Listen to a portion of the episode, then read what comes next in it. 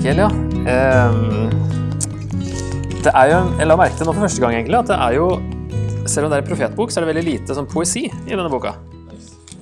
Det er uh, mye fortellende tekst, men til gjengjeld mye sprø ting. Og spesielt uh, mot slutten så blir det jo litt sånn apokalyptisk også. Um, så Esekiel er jo en av de bøkene som på en måte var eh, kan kanskje kalle for inspirasjonen til det som senere ble eh, apokalyptiske tekster, sånn som Johans åpenbaring. Så det er jo en litt sånn Johans åpenbaring-sjanger her noen steder. Spesielt eh, kapittel 38 og 39, da. Um, så det er litt sånn annerledes sånn sett. Um, og denne boka her har jo vært vanskelig lenge, og i oldkirken så var det i hvert fall en av disse kirkefedrene, Hieronymus, som sa at uh, begynnelsen, og slutten spesielt, av Esekiel er så merkelige at de ikke studeres av jødene før de er 30 år gamle. Og noen rabbinere mente faktisk at kapittel 1 var skadelig. Eh, og det hadde sammenheng med en sånn, eh, kanskje helst en vandrehistorie, da. Eller en legende om at det var en gutt som eh, skulle liksom få opplæring av en rabbiner. Og så mens han venta på læreren sin, så kikka han litt i kapittelet her. og eh, av en eller annen, På en eller annen måte så klarte han å finne ut av hva Gud består av. I vers 27 så var det et ord der som eh, Fra det som syntes å være hoftene og oppover, så jeg noe som lignet skinnende metall, omgitt av noe som så ut som ild. Og fra hoftene og nedover så jeg noe som så ut som ild, omgitt av lysglans. Det var et eller annet ord der som de drev og lurte på hva betyr det egentlig, og så klarte liksom han gutten å finne ut av det, og så eh, døde han på flekken, eh, ifølge denne historien, da. Fortært av ild i samme sekund. Så det tror jeg nok var en slags legende. At ikke Gud holder på sånn når man prøver å finne ut hva boka hans betyr. Um, så det var litt sånn uh, Ja, at kapittel 1 er jo veldig rart og har vært tolka i alle retninger, men uh, det var liksom en av grunnene. Og så var det siste kapitlene, 40-48. Det er jo en lang uh, visjon av et nytt tempel som Esekiel ser. Og der sleit man litt med å få dette til å passe med tabernakelet i andre Mosebok. Og um, så var det Derfor var det litt sånn OK, hva er greia med Esekiel? Og så var det en rabbiner som eh, satte seg på loftet og skulle finne ut av det her. Og mens han jobba med det, så brukte han opp 300 oljetønner til denne oljelampa si. Så han satt der ganske lenge for å prøve å harmonisere det Mosebøkene sa med tempelet, eller tabernakelet, teltet, og det Esekiel sier om det nye tempelet. Så han eh, klarte det visst til slutt, men det verket hans har jo gått tapt, da. Så det Den løsningen der har vi gått glipp av. Og andre sa at eh, Elia skulle forklare det når han kom. Vi venta på en ny Elia, ikke sant? som Jesus sier var døperen Johannes, og han snakka jo egentlig ingenting om det her. så dessverre. Men jeg tror at i lys av uh, Nytestamentet og i lys av Jesus, så er det blitt litt klarere, tror jeg. Men det har vært mye spekulasjon her. Og det som er spesielt med Esekiel, er jo at han eh, gjør ganske mye sånn her eh, gateteater. Som eh, noen av profetene gjorde, men han gjør veldig mye av det. Um, spesielt i de ja, kapittel fire til ja, fire og fem er det en del, i hvert fall. Men utover i boka også. Og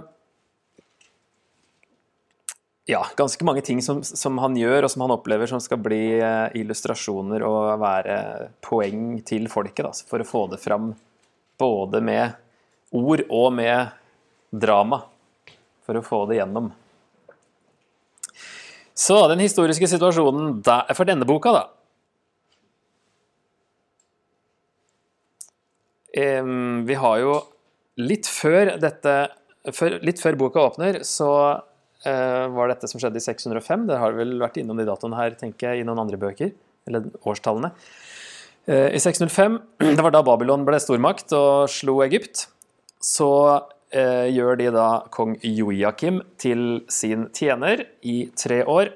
Så gjør han opprør, står det i andre kongebok 24.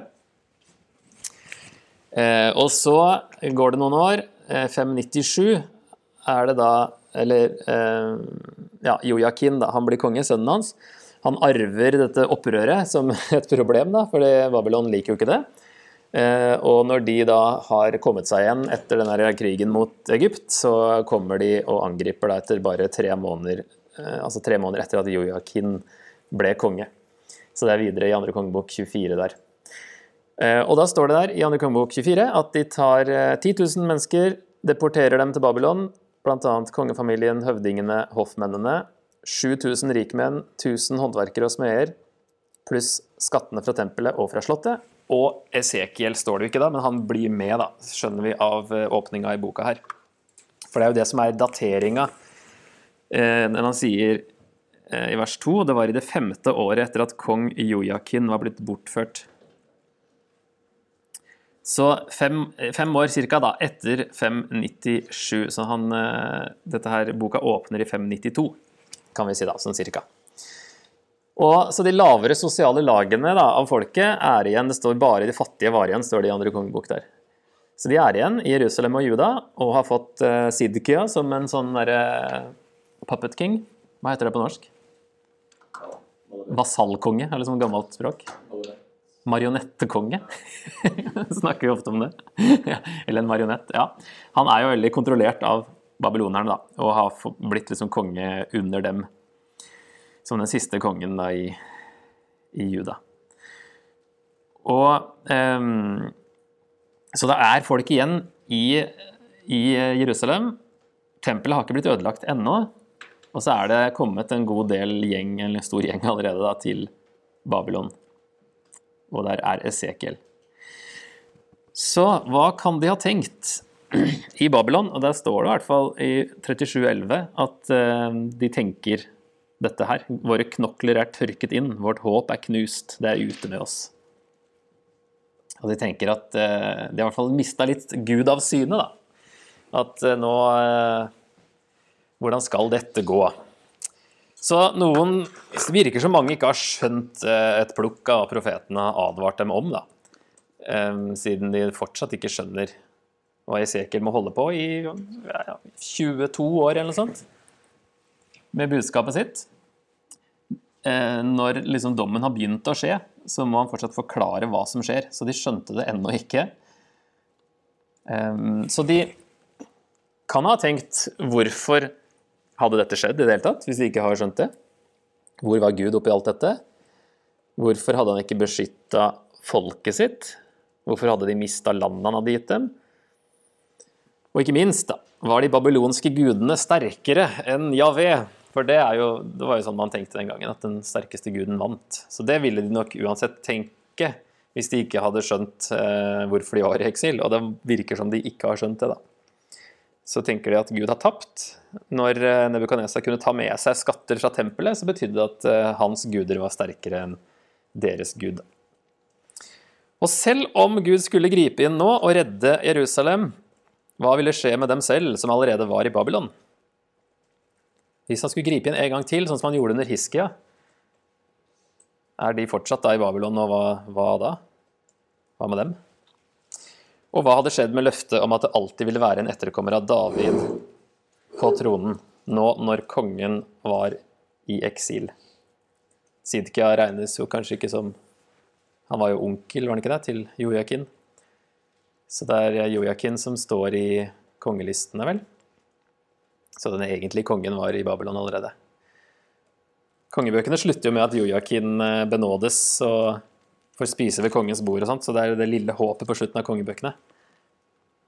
Um, men han er i eksil, og hva, hva skjer nå? Så Hvordan er folkets relasjon med Gud, og hvilke spor vi finner i denne boka? da? Det er ganske dårlig, egentlig. Lederne er korrupte, de forakter foreldre, de undertrykker innflyttere, er harde mot farløse og enker forakter tempelet, vanhelliger sabbatene, baktaler, ofrer til avguder, holder på med seksuell umoral, incest, utroskap, tar bestikkelser for mord, utnytter mennesker og har glemt Gud. Det her gjelder jo både folk som er altså nye ledere som har tatt over i Jerusalem, og også lederne i Babylon. da. Jeg tror ikke det er så mye forskjell på på dem etter hvor de er. Da, eh, Esekiel har liksom budskap til begge grupper, da.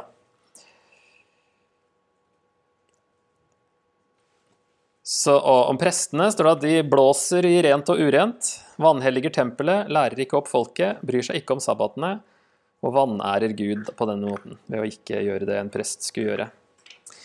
Profetene bare pynter på overflaten, har tomme syner og spår løgn. Sier at Herren har sagt når Gud ikke har sagt noen ting. Det liker ikke Gud.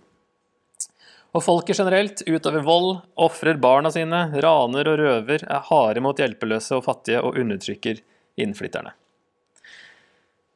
Så det står skikkelig dårlig til, egentlig. Og Esekiel må eh, prøve å få ham til å forstå hva som har skjedd, og hvorfor de er der. Um, og Esekiel, hvis vi ser på åpninga da, i 1.1-3 Det var i det 30. året på den femte dagen i den fjerde måneden, mens jeg var blant de bortførte ved Kebar-elven, at himmelen åpnet seg. Jeg så syn av Gud. Og Det kan jo være en sånn generell overskrift i hele boka, ettersom man gjentar eh, hvilken måned og år det var i neste vers også. Så kanskje det første verset er bare da det starta, det hele. Og så fikk han jo eh, denne første visjonen denne første dagen, da. Så vers to går videre da. På den femte dagen i måneden det var i det femte året etter at kong Joakim var blitt bortført, kom Herrens ord til presten Esekiel, Busis sønn, ved Kebar-elven i Kaldea, altså Babylon. Herrens hånd kom over ham der. Så han er en prest, står det. Presten Esekiel. Egentlig var han prest.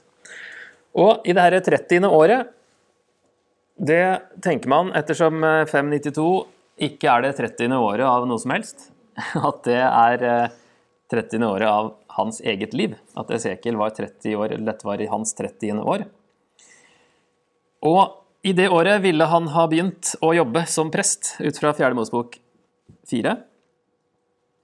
Da de som ja, var 30 år, da kunne man uh, sette i gang og jobbe som prest. Da. Så han var av presteslekt, Sadok-slekta, hadde blitt opplært til det.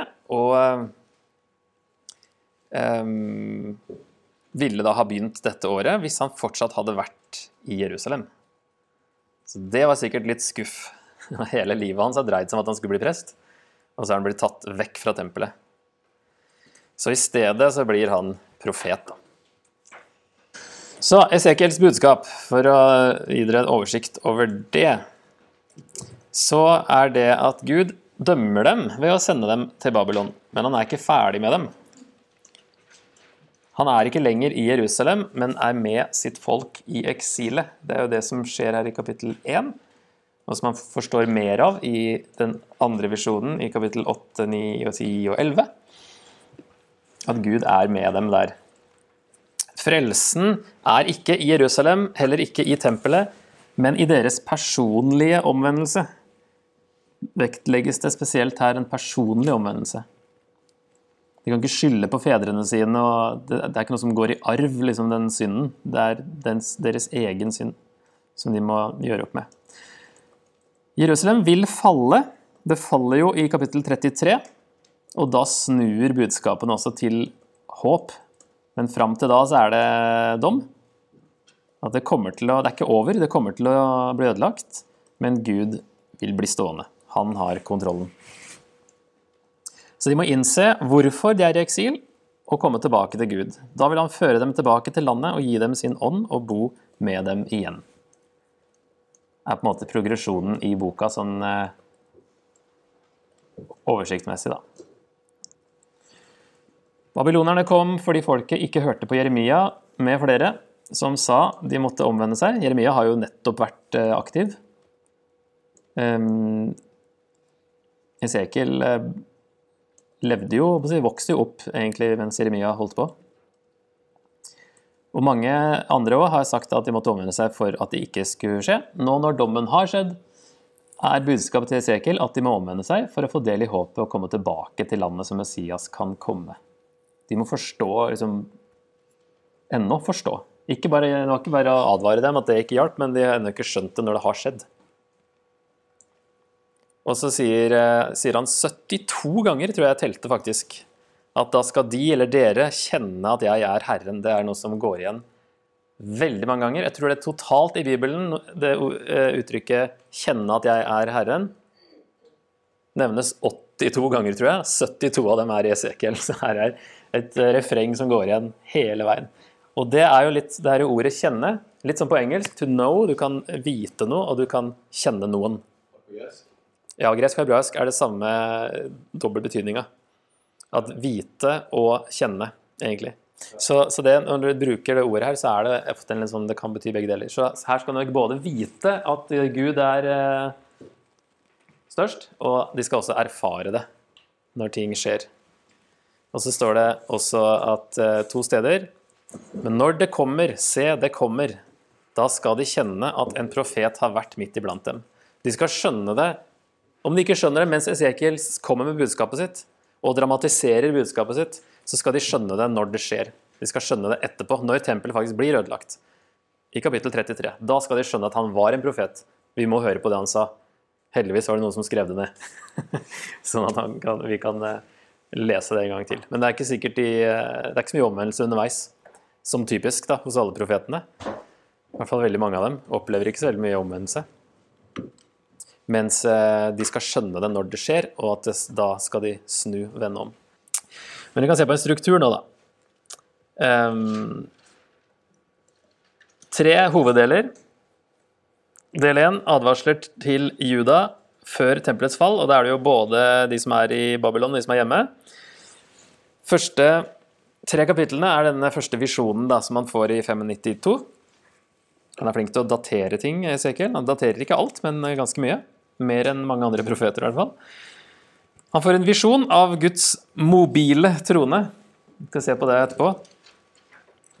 Ehm, at Gud kommer her, til Babylon. Og så er det kapittel 4-7 er advarsler om Jerusalems eh, fall. og Det er da han dramatiserer ganske mye. 8-11 er den første tempelvisjonen, hvor han ser at Guds herlighet forlater tempelet. Det er året etterpå. Men fortsatt, før tempelet blir ødelagt, så får Esekiel se at Gud er ikke der lenger. Gud har flytta ut. Fem år før, og folket merka ingenting. De ofra andre guder inn i tempelet. Det Det er det han får se her, som er eh, ganske fælt. Spesielt for en prest å se da, hvordan de holder på med tempelet. Så da får han se eh, Guds herlighet, denne skyen som beveger seg ut og ut av tempelet. Og så 12 24 er domsord mot Guds folk, altså både de i Babylon og de i Jerusalem. Litt forskjellig. Eh, men at eh, det er ikke ferdig, og tempelet kommer til å bli ødelagt. Så det er domsdelen. Litt sånn typisk profetopplegg. Begynn med dom, og slutte med håp. Så er det en litt sånn typisk del to også, advarsler til nasjonene. Kapittel 25 er domsord mot naboene. Ammon, Moab, Edom og filisterne. Og så er det 26 til 28 for Tyrus for tre kapitler. Og det er jo når tempelet faller, det samme året. Og så eh, er det domsord mot Egypt for også fire kapitler. Um, og de her dømmes stort sett ut fra hvordan de har, eh, at de har med skadefryd sett på at Jerusalem ble tatt og ødelagt, og tempelet ble ødelagt, og at de skulle tjene på det, og at de slo seg sammen med babylonerne. Og de hadde egentlig en sånn avtale her, disse landene, å, sånn, litt sånn Nato, om å beskytte hverandre. Uh, men når babylonerne kom og angrep Jerusalem, så sto de bare så på, og ha-ha, står det at flere av dem har sagt. Latter i Bibelen er dessverre litt negativt. Det er litt sånn hånlig latter. Så det er det de dømmes for, og det er jo rundt, eller rett etter at tempelet er blitt ødelagt at de får disse domsordene. da. I hvert fall de som er datert, ser vi at det er det.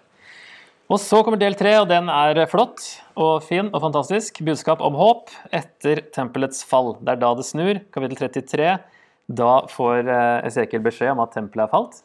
Det er en flyktning som eh, har brukt et halvt år på å komme dit og fortelle at nå eh, har det falt. Og da Esekiel har vært stum fra kapittel fire, er det det? At han eh, blir stum. Gud gjør han stum, sånn at han bare kan tale når Gud gir han et budskap. Så da vet man at når Esekiel sier noe, så er det, så er det fra Gud. Skulle gjerne vært sånn med dagens profeter, at de var stumme ellers. Men her er det altså så tydelig at når Esekiel sier noe, så er det Guds budskap. Og her blir han, foran får han eh, taleferdighetene tilbake da, når tempelet er falt. Spesielt liv, altså, å være profet.